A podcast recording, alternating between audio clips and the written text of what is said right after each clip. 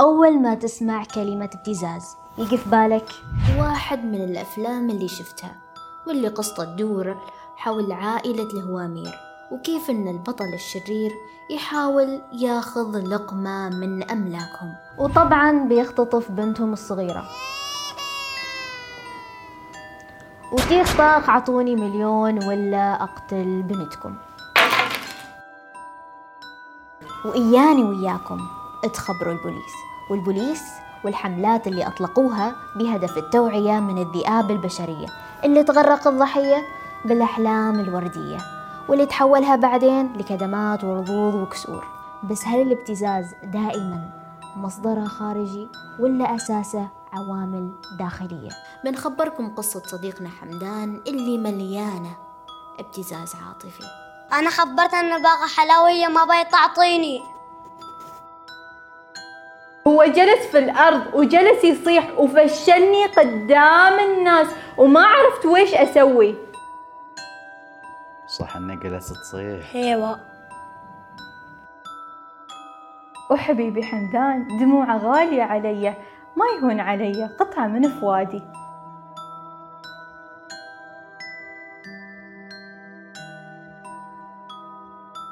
أنا أعرف مصلحة والدي. والتخصص اللي باغنه ما له مستقبل. والدي شاطر وأبغاه يطلع دكتور. أنا حلمي من يوم صغير أخرج أفلام. أنا خاطري أخرج فيلم. بس أمي تشوفني دكتور وأنا الطب ما ميولي.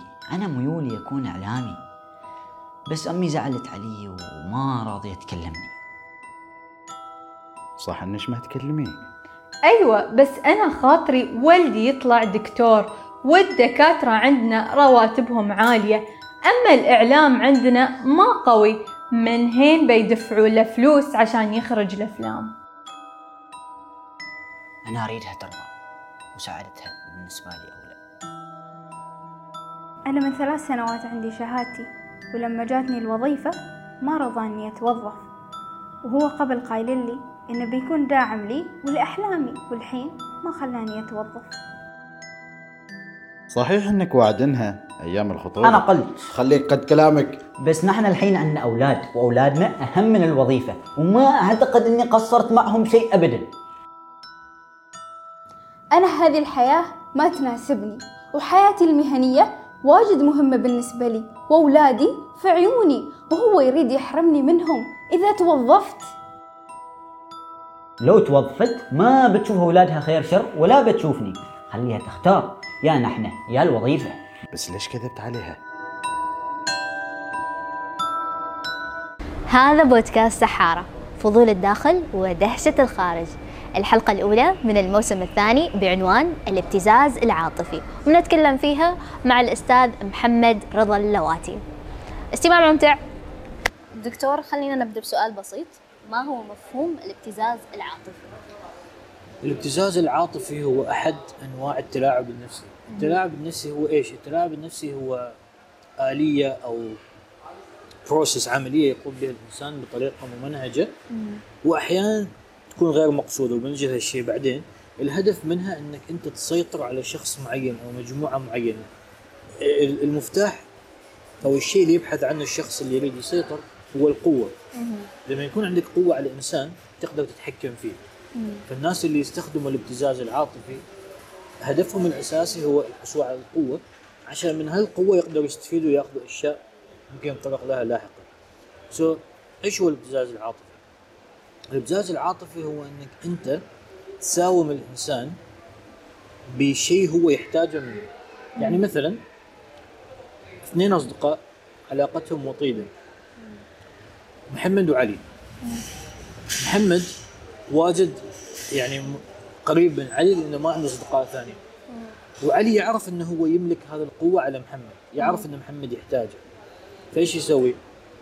لا يعني ما بطريقة مباشرة أحيانا. أحيانا غير بطريقة غير مباشرة. مثلا محمد يكلمه يقول لعلي يا أخي أنا آه، مثلا أريد أطلع معاك بس ما عندي فلوس. محمد ما عنده نفس شيء هم طلاب. بس هذا الابتزاز الغير مباشر انه إذا تريدني أطلع معاك أنت بتعزمني وأنت تدفع لي هذا إذا صار مرة واحدة ما يعتبر تلاعب بس إذا تكرر دائما إن أنت اللي تمر عليه أنت اللي تدفع القهوة أو المشروب وكذا فمعناته إيش؟ إنه في شيء غلط في الموضوع. صح؟ أيوه فاحيانا يكون كذا طريقه غير مباشرة. فالكونسبت كله يتمحور على إنك أنت تساوم شخص بشيء أنت تعرف إنه هو يحتاجه أو يريده منك. مثلا الحب الصداقة الاهتمام. واحيانا تكون أشياء أساسية يعني الأمان ترى شيء أساسي لما الطفل أمه وابوه يجلسوا يبتزوه عاطفيا هو ما عنده options ما عنده خيارات إنه هو مثلا يحارب هالشيء أول شيء إنه طفل الشيء الثاني إنه إيش يسوي يعني؟ وين يروح؟ ما في إيه، ما له ملجأ يعني ثاني. أيوه إيش وين بروح يعني؟ فهذا باختصار آه، مفهوم أو يعني كيف أنا أحب أوصف هذا السلوك اللي هو الابتزاز العاطفي. دكتور متى نقدر نقول عن إن مثلا هذا التصرف هو ابتزاز مباشر أو إن مثلا ممكن نقول إن هذا تهديد؟ إن هنا نحن نتعرض للابتزاز وهذا ما أن مثلا والله العظيم سلوك عابر مثل ما أنت آه، قلت آه، في كم مؤشر؟ يعني مثلا إذا أنا لاحظت انه في العلاقة اللي أنا فيها دائما أعيش في خوف. مم. إنه مثل ما يقولوا بالإنجليزي I walking on egg shells امشي على قشر البيض. فأنا ما أعرف موقفي من الإعراب إذا أنا سويت أي شيء ممكن هذا الشخص يتركني أو يتخلى عني أو يعصب علي. فهنا في شيء غلط في الموضوع الخوف أول مؤشر. الشيء الثاني إذا أنا أحس دائما بإحساس الذنب. لأن الناس اللي يتلاعبوا فيك عاطفيا في علاقتهم معاك هم يستخدموا إحساسك بالذنب ضدك. فدائما تلاحظ الناس اللي أغلب الأحيان اللي يبتز عاطفيا عنده خبرة في استخراج شعور الذنب منك وبعدين استخدامه للحصول على أشياء معينة. وأيضا من المؤشرات الثانية اللي هو إنك أنت تشوف إنك إنها علاقة من طرف واحد. يعني أنت اللي تقدم دائما دائما دائما أنت اللي تبذل مجهود مضاعف. بالضبط أنت تبذل مجهود والطرف الثاني أغلب الأحيان ما يبادر في شيء. لأنه هو عارف إن القوة في يده أو خلاص هو أخذ مثل ما قلت في البداية إنه the power is in my hand فأنا أقدر أتحكم فيك الحين. والسيناريوهات كثيرة طبعا في أحيان هاي القوة تجي بحكم ديناميكية العلاقة يعني مثلا مدير وموظفه أو مدير وموظف. القوة أوتوماتيكلي عند المدير لأنه منصبة. أيوه. وفي أحيان القوة تجي بالتلاعب مع الوقت. مثلا في علاقة عاطفية أو صداقة أو شيء كذا. ففي عدة آليات. هذه هي بعض المؤشرات الأساسية. إذا تحس نفسك آه، مثلا يعني كأنك مستنفذ حتى طاقتك مستنفذة في هذه العلاقه ما تقدر تعطي. أنت دائما تعبان أنت دائما متوتر أنت دائما قلق. و... وأنت وأنت داخليا تكون حاس إن في شيء غلط. okay. في هذا الموضوع. فدائما الناس وش يسووا في الوقت؟ في العادة؟ ما يسمعوا لهذا الصوت الداخلي اللي يجي لهم انه في شيء غلط في هذه العلاقة فهم يطن- يطنشوا هالموضوع وما يثقوا حتى في صوتهم الداخلي اللي هو يكون في مود- آه أيوة. يعني تأمل في الطرف الآخر أيوه هذا فأنت طول الوقت يعني يعطيني. تلغي هذا الصوت ودائما تصدق الشخص اللي قدامك بدون ما تتوقف وتسأل نفسك إنزين ليش صوتي أنا غلط وهو هو هذا الشخص بيكون صح؟ إيش الدليل أو إيش اللي يخوله إنه هو يعرفني أنا أكثر من نفسي؟ أيوه ف فهذه بعض النقاط اللي ممكن نقول إن هي تبين إن الإنسان عنده أو تعرض لهالشيء. دكتور هل فعلا أن المبتز يريد مصلحه الضحية أو انه هو أصلا يريد رغباته الخاصة وبس إن أنا أحقق نفسي وبس أعتقد إن هذا السؤال واجد حلو وجوابه بسيط. الإنسان اللي يريد مصلحتك ما يأذيك. هذا خليها قاعدة عندك في الحياة بشكل عام. اللي يريد مصلحتك ما بيجي يجيب لك هالمصلحة أو يساعدك بشيء يضرك. إذا أنا عندي ابن أو بنت وفرضا ان هم يريدوا يدرسوا شيء أو يريدوا يتزوجوا يريدوا ياخذوا قرار كبير في حياتهم وأنا أحس إن هذا القرار سواء دراسة زواج شغل أشوفه غلط. وأعرف 100% إن أنا الصح الابتزاز العاطفي والتلاعب النفسي هو ما حل. نجلس مع بعض نتحاور نذكر الايجابيات والسلبيات وهذا الحوار ما لازم يكون جلسة واحدة ممكن يكون مستمر لعدة جلسات. فاللي يحب يعالج الأمور هذه بطريقة صحية. ما بالشيء ويدمر صحة الإنسان نفسيا. يعني أنا ما شفت في هذا التسع عشر سنين اللي في المجال وحتى قبل في حياتي أنا ما شفت نتيجة إيجابية للتلاعب النفسي. ابدا. وأكشلي إذا حد قال لك إن أنا جالس أسوي هذا الشيء عشان مصلحتك أيوه. هذه قمة التلاعب النفسي. هذا هو مؤشر أساسي للتلاعب النفسي و آه، أو الابتزاز ال- العاطفي. دكتور هنا البعض. إنه يروق على موضوع إنه والله العظيم الشوق وهذا العذاب في الحب وكذا إنه ممكن إنه يكون شيء صحي أو إن هذا الأساس في هذا النوع من العلاقات. حتى إنه ممكن حتى هنا يتغاضوا يغضوا النظر عن هذه ال red flag لأنه يشوفوا شيء normal وطبيعي. الله يسلمك آه، نحن عندنا كثير من المعلومات الخاطئه المتداوله واللي ما تعزز العلاقات الصحية. لما إحنا نتكلم عن التلاعب النفسي هي حاجات لازم نعرف عنها عشان نحمي نفسنا. مو عشان نلعب ألعاب ذهنية mind games وهي حركات أعتبرها غير ناضجة العلاقات اللي امتك أنت وأنا والشباب نطمح لها. أيوه هاي العلاقات صحية أنا أريد أعيش في بيئة مجتمعية صحية عشان أقدر أركز على حياتي أهدافي دراستي تطور الشخصي ما عشان ادرس حياتي فلان وعلان وكذا. صح صح. ما منطقي فالابتعاد عشان يصير في شوق وهالأمور وهذا النوع من من التصرفات أعتبرها غير ناضجة وغير صحية. أنا في حياتي لما كنت أصغر في السن لما حد يسوي معي هاي الحركات أبتعد عنها.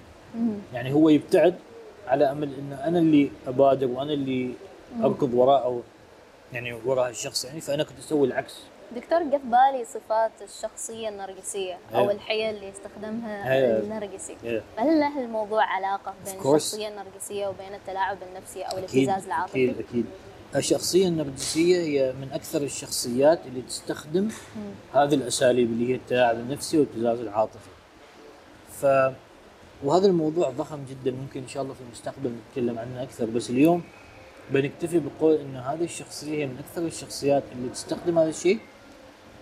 وخلينا شوي ندخل في موضوع الشخصية النرجسيه حسب الإحصائيات العلمية الرجال هم أكثر النرجسيين. يعني من كل عشرة أشخاص أيوه. ثمانية أو سبعة رجال نرجسيين واثنين وثلاثة نساء أو إناث. أوكي. وفي المجتمعات اللي طريقة التربية يكون فيها عنف وفيها مثلا أساليب غير صحية هذه النسبة تصير أكبر. للأسف يعني لأن في علاقة مباشرة بين العنف والاضطرابات النفسية مثل اضطراب الشخصية النرجسية والنرجسية هي صفة موجودة في كل كل البشر. بس على إذا حطيناها على خط مستقيم الإناث مثلا يعني المرأة العادية بتحصل نرجسيتها مثلا من 30 إلى 50% الرجل العادي بتحصله من 40 إلى 60% وهكذا. ممكن النسب بدأت تتداخل في هذا العصر. ما واجد فرق الشخص اللي عنده اضطراب الشخصية النرجسية النرجسية تكون عنده مرتفعة 70 وفوق. فرضا أنا وانت أصدقاء. أيوه. آه مثلا أنا متضايق. جيت كلمتك. وانت استقبلتيني وساعدتيني وسمعتيني. والعكس صحيح. هنا ما في دخل ما دخل ما د- النرجسية ما دخلت في هذا التواصل. بس فرضا إذا أنا عندي مشكلة أو هي اضطراب الشخصية النرجسية كل ما انت تجي تكلميني عن نفسك أنا أقلب الموضوع وأخلي نفسي أنا محور محور. أيوه بالضبط. فما مثلا انت جاي شاركتيني قلتي لي محمد أنا قدرت هذا الشهر إني مثلا أدخل مبلغ فلاني من خلال تجارة الأسهم مثلا أو العقارات أو بعت شيء معين بزنس أنا يمكن حتى قبل ما أبارك لك أقول لك حتى أنا.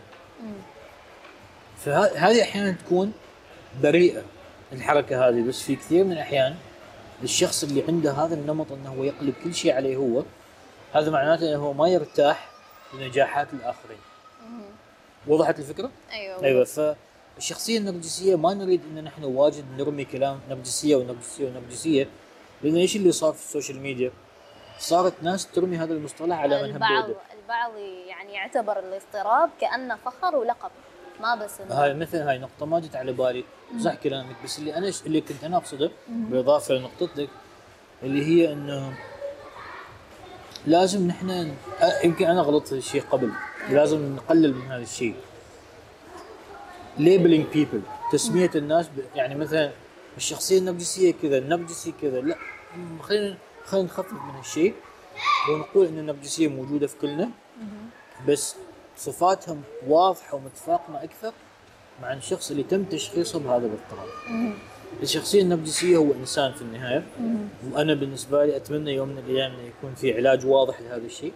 حاليا العلم ما وصل لشيء ثابت عن علاج الشخصية النرجسية والسبب أن الشخصية النرجسية المضطربة ما تؤمن أن هي أصلا غلط. okay؟ نحن اللي نحتاج نعرفه كيف نحمي نفسنا من هذول الناس وكيف نتعامل معاهم بطريقة صحية. ما نحتاج نضرب فيهم وننتقدهم. هذا اللي أنا ما اريده اللي كان يصير في السوشيال ميديا. والبعض إنه يشخص آه، أيوة. بشكل عشوائي. ممتاز. تشخيص عشوائي ونحن تشخيص عملية صعبة جدا أصلا. ما ممكن إنك أنت تشخص إنسان بكل سهولة. أيوه أنت محتاج انك تجلس معاهم بالضبط. فترة طويلة وإلى ما ذلك تعرف تاريخ عائلته بالضبط. وتعرف الأمور اللي كان يسويها. وبعدين. تخصص. كلامك. صحيح. كلامك سليم 100% آه زين دكتور خلينا شوية نتكلم بشكل خاص عن المبتز نفسية المبتز. ممتاز. أي إنسان يبتز شخص أو يستخدم مشاعر هذا الشخص ضده هو في العادة يريد واحد من ثلاث أشياء. هو يريد يتحكم فيك هو يريد يستغلك ماديا أو انه هو يريد يستغلك مثلا جنسيا. يعني عارف هذا الموضوع يمكن يكون حساس للبعض بس يعني هذا هو. الواقع. يعني الشخص اللي يبتز يريد يفرض سلطته على الشخص يتحكم فيه أو يريد يستغله ماديا معنويا أو جنسيا. فهي في ثلاث أو أربعة أسباب اللي تخلي الشخص يسوي كذا. فإيش السبب؟ الأسباب كثيرة بس إذا لخصتها في شيء بلخصها إن الإنسان المبتز يريد يشعر بنشوة السيطرة والقوة على الضحية يعني لما إحنا لما نشوف المبتزين وجزاهم الله يعني كل خير الجهات المعنية سوت حملة اللي هي مال الابتزاز الالكتروني أعتقد. أيوه. هذا شيء مهم جدا لأن في فئة اللي هي خطر على المجتمع كله اللي هي المعتدين جنسيا. بالضبط. اللي يستهدفوا الأطفال.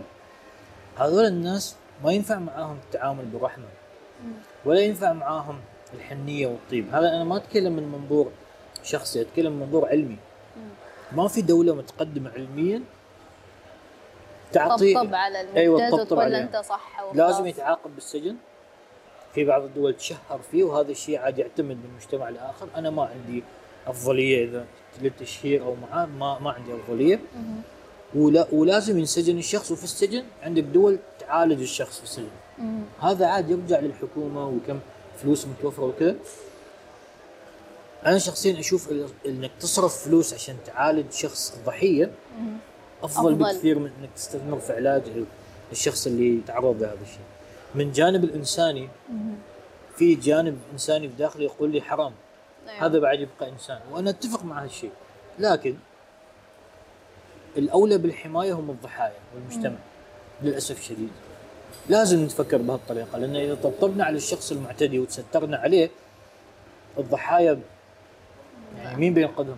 ما بس كذا ممكن الضحية هنا تحس ان ما تريد تكمل حياتها تحاول تنهي حياتها بأي طريقة من إيه. الطرق. طبعا هذا أسوأ سيناريو. يعني وما دائما يصير. سيناريو إن الواحد يفكر ان حياته وارد. وشيء سيء جدا بس ما دائما يكون هو السيناريو. السيناريو اللي دائما نسمع عنه هو إن الشخص يعني ينقطع عن العالم. مثلا الشخص المجرم المبتز اللي يبتز الصغار أو القاصرين إيش يسوي؟ ماشي يسوي حاجة اسمها ال grooming G G R double O M I G grooming grooming؟ هو العملية عملية تأهيل الشخص للاستغلال يعني ما في واحد يجي يخطف طفل من الشارع. هذا الشيء ما ممكن. في دولة آمنة مثل عمان أو في دول الخليج مثلا في هذا العصر صعبه جدا إن أنت تحصل تسمع خبر إن الطفل اختطف من الشارع. هذه نادرا. أنا ما جاي سمعت من فترة طويلة هذا الشيء. فالناس اللي يعتدون على الأطفال للأسف الشديد هم واجد اذكياء دكتور بما أنك ذكرت ال- اللي هو الابتزاز على أنه سلوك بما ان نحن البشر مختلفين فأكيد السلوكيات هذه تختلف هل هناك اختلاف بين سلوكيات المبتزين آه الخبر الممتاز إنه لا مم. أغلب المبتزين يستخدمون نفس الأساليب مهم. واللي هي مثلا هذا اللي زمان لما إحنا كنا صغار كانوا يعلمونا اذا أنت تمشي في الشارع وحد يعطيك حلوة مثلا أو أيوة. شيء يقول لك اركب معاي على طول أهرب منه ابتعد. عنه فهذه هي هذا المثال هو مثال يدل على أن هذول الناس حيلهم والاعيبهم متشابهه وهذا الشيء الزين إذا نحن تعلمنا وعلمنا بنحمي واجد ناس من هذا هذا الفخ السيء جدا. ف مثلا هذا الجرومينج هذا الجرومينج الكونسبت الجرومينج إذا كل الناس فهمته إذا الناس فهمت ال concept مال ال grooming بنقدر نحمي واجد ناس. ف بشكل عام آه، ال grooming بعد أحد الاسباب اللي تخلي المراهقين أو الصغار في السن يقعوا في هذا الفخ هو إن عندهم مشاكل في البيت. فإذا أنت أو أنت عندكم يعني مشاكل في البيت لا تلجأ لشخص غريب على الإنترنت. الجأ لمعلم في المدرسة معلمة في المدرسة اختصاصي. مثلا كل مدرسة تقريبا فيها اختصاصي نفسي أو اختصاصي اجتماعي. اجتماعي مثلا. الجأ لمدير المدرسة الجأ لصديق. الجا لاحد أفراد العائلة الثانيين خال خالة عم عمه جد جدة. لا تلجأ للاشخاص الغرباء. بس دكتور في الفترة الحالية يعني خاصة في الجيل الصغير دائما مثلا يبحث عن في الخارج أكثر من الداخل. ف يعني هنا مثلا هو يبتعد إنه يلقى لأهله خاصة إنه في الفترة العمرية مثلا الصغار أو المراهقين يسمع حال الصديق أكثر مما يسمع حال والله العظيم الأم والأب وإلى ما ذلك. فانا كيف ان نحن ممكن مثلا يعني نقدر نتحكم في هذا الموضوع ونقلل منه؟ آه أنا ما أتفق مع فكرة إن الإنسان في هذا الجيل صار فجأة إنه هو يبحث عن الخارج. أنا هذه الظاهره اشوفها من زمان حتى في جيلي أنا. أي إنسان عنده مشاكل في البيت بديهيا بيروح يتجبر فإذا نحن نريد نوقف هذه الظاهرة وإن بناتنا وأبنائنا يعني ما يقعوا في هذا الفخ لازم نصلح البيوت. لازم الأهل يكونوا مرتاحين مع بعض. لازم يسمعون لأبنائهم وبناتهم. لازم يعني حتى لو الزوج والزوجة متطلقين أو في بينهم خلافات ابعد الأطفال عن هذه الدراما. خليك آه، متشور ناضج ولا تستخدم الأطفال في هذه الخلافات واهتم فيهم لا تنساهم. آه، أنا أشوف شيء محزن إن في أمهات وآباء لما يتضاربوا أو آباء وامهات لما تصير بينهم مشاكل الأطفال يصيروا على الهامش. في بعض الأحيان يصيروا يعني سبب للابتزاز أيوه الله ينور. عليك بالضبط.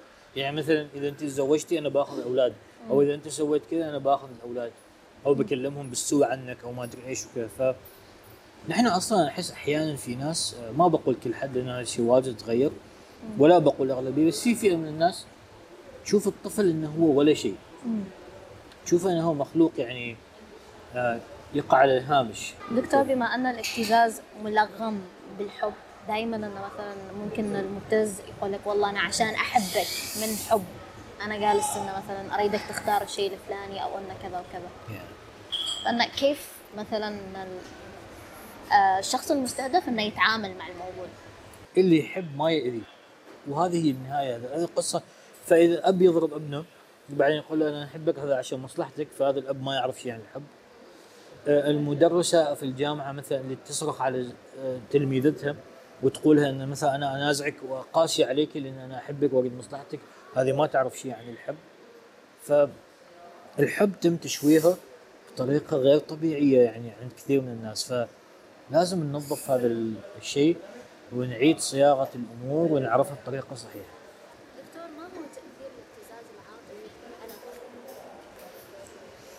دكتور آثار الابتزاز العاطفي أو الت- والتلاعب النفسي بشكل عام ممكن تبدأ بأشياء بسيطة مثل الضيق اللي يراودك في حياتك اليومية لأنه ممكن الواحد يوصل لمرحلة ينهي حياته. فالآثار لا تعد ولا تحصى أكثرها انتشارا هي أن صح صحة الصحة النفسية للضحيه تكون متدمره. يعني مثلا إذا أنا أو خلينا نطلع من يعني مثلا في واحد كان عمره مثلا 17 سنة. وهذا الإنسان عنده شغف مثلا في الأنيميشن. من هو صغير؟ وكان حلم حياته إنه يدرس شيء في ال animation. واضح وضوح الشمس. إذا هو الدرس بيبدع فيه. حتى لو ما حصل وظيفة بيبدع فيه freelance ف يجوا أهله يقولوا له إذا أنت درست animation إذا أنت درست animation إحنا مثلا ما نحبك. أو أنت ما نعرفك ولا تعرفنا. أو okay أنت عيش معانا بس علاقتنا بتكون مقطوعة يعني. هذا الإنسان بيروح يدرس animation بس نفسيته بتكون مدمرة لأن أهله نوعا ما كانوا تخلى عنه أو ساوموه يعني. ف اهم علاقة في حياة الإنسان هي مع أمه وأبوه وأهله. فإذا هي ما مستقرة نفسيته بتكون متاثره فالتأثيرات تبدأ بأشياء بسيطة اللي هي الشوشره النفسيه البسيطه اللي نمر فيها كلنا إلى لا سمح الله إنسان ممكن يوصل إلى حياته. فهذا الموضوع بيطول واجد بس اللي the most common thing هو الاضطرابات النفسية والأذى النفسي كالاكتئاب والقلق والمشاكل الاجتماعية و يعني إذا حبيت إن نتطرق أكثر للموضوع ممكن تسأليني أسئلة يعني specific أكثر ما عندي مشكلة. ليش بعض الشخصيات تكون معرضة للابتزاز العاطفي أكثر من غيرها؟ okay أم أول شيء الابتزاز العاطفي هو سلوك ما في حاله عذر. ما مفروض أي إنسان يصير معاه لكن إحنا ما عايشين في عالم مثالي. هذه الأشياء تصير.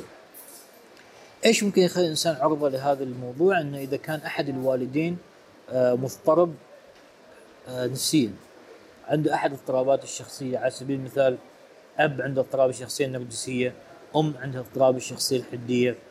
أحدهما عنده اضطراب الشخصية الغير آه، الضد اجتماعيه أو انتي سوشيال الأبناء اللي أحد آبائهم وأمهاتهم كذا هم عرضه أكثر لهذا الموضوع. إذا كان أحد الوالدين عنده هذا الاضطراب وهو تربى في هذه البيئة السامة اللي فيها وايد مشاكل فهو عرضه أكثر لهذا الشيء. على الصعيد النفسي وعلى الصعيد ال- ارض الواقع مثل ما قلنا سابقا الطفل أو الطفلة اللي في بيتهم في مشاكل بيقع في فخ الجرائم الإلكترونية أكثر. إن الناس يعني بتستغله وتحاول تستغله. فهذا واحد. الشيء الثاني إذا الإنسان تعرض لصدمات في حياته يعني على سبيل المثال إهمال في البيت آه، تربى في بيئة فيها واجد أطفال يعني مثل العوائل اللي قبل كان عندهم 10 12 15 طفل. هذه العوائل أنت عرضة أكثر للابتزاز. ليش؟ لأنه شئت أم أبيت سيتم إهمالك. لأن أصلا ما في قوة بشرية يعني تقدر تتحكم 15 شخص. فأطفال بيتعرضوا للإهمال. that's why أنا وكثير من المختصين نتكلم عن مثلا إن الواحد في هذا الزمن صار واعي ويعرف إن الإنجاب المفروض ما يتعدى ثلاث أطفال مثلا. ما بس لأن أنت ما بتقدر تهتم فيهم عاطفيا ونفسيا لأنه حتى ماديا it's impossible nowadays وأنت أصلا ما تحتاج تجيب جيش عشان يعني تحس بالرضا. الإنسان القديم كان يفكر إن الإنجاب هو يعني بيجيب له فلوس أو بيكون في حاله فائدة من هذا الشيء. الإنسان في هذا العصر شاف إن هذا السلوك عبء على الحكومة على كل حد. أحسن ما نتعمق كثير ما موضوعنا بس يعني نقطه على الهامش. آه نرجع لموضوعنا للشخص اللي يكون أكثر عرضة. آه أنا ما أعتقد إنه هو في يعني سبيسيفيكيشن بس كل ما كان الشخص أصغر في العمر كل ما كان يكون هو عرضة أكثر. هذا اللي نشوفه يعني من ناحية ال- ال- ال- اللي اسمعه أنا مثلا بلاغات وهذا الأمور كذا الوعي والثقافة تمنعنا عن هذه الأشياء هل ممكن الشخص المستخدم هو سبب استمرار هذا الابتزاز لفترات طويلة؟ هم. حلو هذا السؤال إذا كان قاصر مستحيل لأنه هو يعني يسمى قاصر لسبب معين أنه هو يعني ما مهيئ إنه أصلا هو يعني يحمي نفسه ولذلك نحن نسميه قاصر وفي ناس يهتمون فيه اللي هم في العاده الام والاب أو العائلة المباشرة. فإذا كان قاصر الإجابة قاطعة لا. يعني هو ما مسؤول عن هذا الشيء. من بعد عمر مثلا 18 خلينا نقول من بعد 21 أو خلينا نقول حتى 18 عشان نكون دقيقين أكثر الإنسان يتحمل مسؤولية إعادة النظر في علاقاته وحساب نفسه. وهذا ما من باب القاء اللوم بس من باب إن الواحد لازم يتحمل مسؤولية حياته. إذا أنت ما راضي عن العلاقات اللي أنت فيها أو إنك ما حاسس بإنك مرتاح فيها فهي مسؤوليتك إنك أنت تعيد تقييمها أو على الأقل تحصل على المساعدة. اللي أنا جالس أشوفه في هذا الجيل جيل واعي جيل مطلع آه، جيل يأخذ استشارات نفسية وجلسات نفسية عشان يتعلم ويعرف. يعني كثير من الأحيان أنا أتكلم مع ناس وجلساتنا النفسية تكون عبارة عن ان هم يريدوا يعرفوا هل العلاقات اللي هم عايشين فيها صحية. يعني مثلا يجيك حد عمره 18 19 20 وعنده كمية وعي ناس في عمري ما عندهم. فهذا الشيء مفرح. فأنا أشوف إن نحن في مجتمعنا مثلا في عمان بعد ثلاث أربع خمس سنوات بتشوف الجرائم الإلكترونية قلت. والسبب جزئيا غير عن المجهودات اللي تقوم به الحكومة هو وعي هذا الجيل. هذا الجيل صار يعني أشوف هذا التيك توك اللي الناس تنتقده صح فيه أضرار بس فيه أشياء مفيدة. أنا يعني كثير من الناس اللي اشتغل معاهم أحيانا يشاركوني بمقاطع تيك توك معلوماتها تحميهم من مشاكل. تو فيها توعية. فما كل شيء سلبي في أشياء تيك توك في حاله أشياء سلبية بس في أيضا توعية. يعني في ناس تسوي مقاطع تنقذ حياة ناس. فأنا متفائل بهذا الشيء وأحس ان الناس بدأت تفهم هذه اللعبة دكتور بما انك تكلمت عن المجتمع yeah. ما هو تاثير الابتزاز العاطفي على المجتمع بعدين هذا الشخص اللي تعرض للابتزاز لو طلع للعالم كيف Yeah. ممكن مثلا يؤثر ويتأثر أي ظاهرة نفسية سلبية آه، مثل التلاعب النفسي أو بالتحديد الابتزاز العاطفي تأثر على المجتمع sooner or later ليش؟ فرضا أخذنا وحدة تعرضت للابتزاز العاطفي هي عمرها 15 16 سنة. وهذا الابتزاز العاطفي دمر لها حياتها. خلاها تتبهدل كثير وصارت لها مشاكل مع أهلها. ومهما كان السيناريو يعني خلينا نقول إنه صارت لها مشاكل واجد. في يوم من الأيام هذه البنت بتكمل حياتها. إذا هي ما تعالجت من آثار هذا الشيء ومثلا هي صارت مسؤولة في العمل اضرارها الأضرار النفسية اللي في ذيك المرحلة ما راحت. بس بتظهر بطرق مختلفة. فهي بتصير مديره بتتنمر على موظفينها أو بيتنمر على موظفينها. آه بتتنمر بتكون عصبية مع أولادها وبناتها. ممكن حتى علاقتها الزوجية تنتهي. يعني السيناريوهات لا تعد ولا تحصى فنحن إذا خذينا واحد من أسوأ الاحتمالات وحدة تعرضت للابتزاز العاطفي صارت له واجد مشاكل صار عمرها 23 سنة 24 سنة تزوجت على على عجالة مثلا لأن نفسيتها ما مستقرة. جابت طفل اتطلقت هذا الطفل تبهدل بعد 20 سنة هذا الطفل يتعاطى مخدرات مثلا هذا الطفل صار تاجر مخدرات صار يبيع مخدرات في الحي ماله. شفتي كم شخص تضرر عدد يعد غير الأشخاص اللي أنت ما ذكرتهم بعد وبعد ممكن ناس تتوفى بسبب جرعة زايدة ويعني هذا بس هذا مثال of course of course حوادث سيارات وأشياء اللي يسويها الشخص اللي يتعاطى. هذا مجرد مثال. في أمثلة ثانية ممكن توريك مدى فداحة هذا الشيء على حتى اقتصاد الدولة. أنت خذيها كمثال. إذا أخذنا كل شخص مسؤول في أي مؤسسة واخضعناه للتقييم النفسي. وقلنا إن 70% منهم أمورهم طيبة. بس في 30% نرجسيين عصبيين عصبيين أقصد يعني ما يتحكموا في أعصابهم أو عندهم اضطراب شخصيه نرجسيه أو متسلطين أو ما يحترمون موظفينهم. هذول ال 30% يكلف الدولة أموال طائلة. ليش؟ لأن هم بأسلوبهم تنقص الإنتاجية مال الموظفين. اول إن الموظفين يستقيلوا فهم عندهم كوست مال دائما يوظفوا ناس جدد وهذا ناس تستقيل. يقولوا بس يعني صح هو هذا الكلام ما جاء من فراغ ترى. يعني في دراسات وفي مقالات وفي كتب تكلمت عن ان في كثير من الناس اللي في مناصب كبيرة بعضهم عنده أنماط من الشخصية السايكوباثية. وهاي سالفه ثانية كبيرة واجد يعني يحتاج إلى حلقة خاصة وحدة. ف في هذا الكلام فيه نوع من الصحة صح.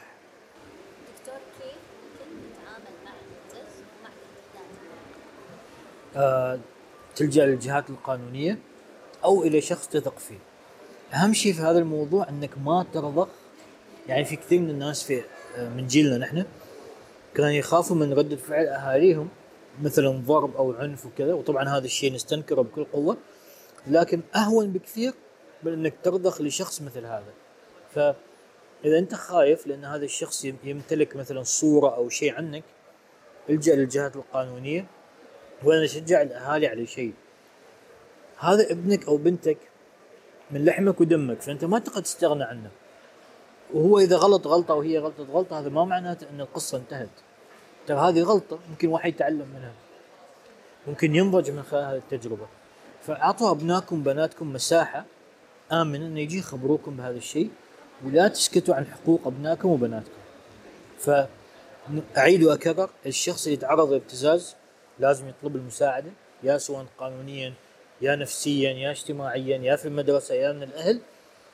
أي أي ما كانت النتيجة هي بتكون أفضل بكثير من الرضوخ للمجرم أو للمبتز. هذا بالنسبة لايش نسوي؟ دكتور كيف ممكن يصل الشخص المستهدف التعافي؟ يعتمد على الأضرار. آه، بشكل عام الشخص اللي عانى من الاعيب نفسية أو ابتزاز نفسي بيلاحظ إنه هو مع مرور السنين غير مستقر نفسيا يعني يعاني من شيء. ما مرتاح يعاني من قلق يعاني من اكتئاب يعاني في علاقاته.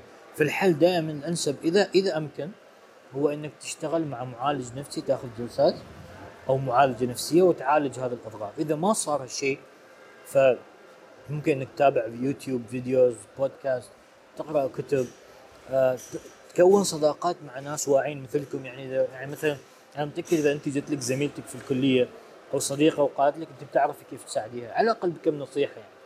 ليش؟ لأنك واعية ومطلعة ونفس الشيء الشباب يعني. فحاول إنك تتقرب من الناس اللي كذا اللي تحس إنهم ممكن يعني يضيفوا لك شيء في حياتك. فلان أصلا جزء من حياة أي إنسان خلينا نسميه ناجح في هذه الحياة هو العطاء. فأنا إيش فايدة أنا أقرأ كتاب وأصير مثقف وما أدري إيش وها وشايف نفسي بس ما أشارك الناس بهذا الشيء. أيوه. فلازم نكون يعني كناس متحدين أكثر. في العادة الناس اللي يعانوا من الابتزاز هم وحيدين. فأحيانا we need to reach out يعني لازم يعني مثلا على سبيل المثال خذيناك أنت.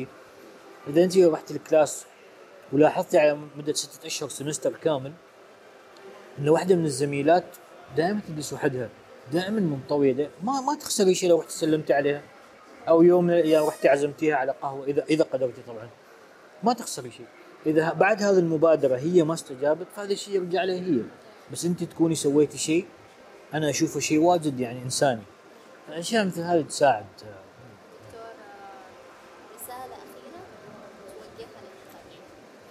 آه، أول شيء شكرا على استضافتكم. آه، ممتن لهذا الشيء وأتمنى لكم كل التوفيق. آه، رسالة أخيرة اللي هي إنه الحب هو سلوك ما يجلب الألم. ابدا ابدا لا تربط الحب بالتلاعب النفسي والابتزاز وهذه الأمور. بالعكس خذ التلاعب النفسي على أنه هو مؤشر على أن الشخص اللي قدامك عنده مصالح أخرى أو أهداف أخرى وانه ابدا ابدا لا تستسلم لهذا الالاعيب وهذا الابتزاز. وحاول أنك تتثقف كيف تحمي بخصوص كيف تحمي نفسك أو الطرق اللي ممكن تساعد فيها نفسك. فهذه هي رسالتي. شكرا. ولا تنسوا تقيموا الحلقة على منصات الاستماع المختلفة. ولايك وشير ولا تنسوا تشتركوا معنا وودوا الحلقة كل مكان.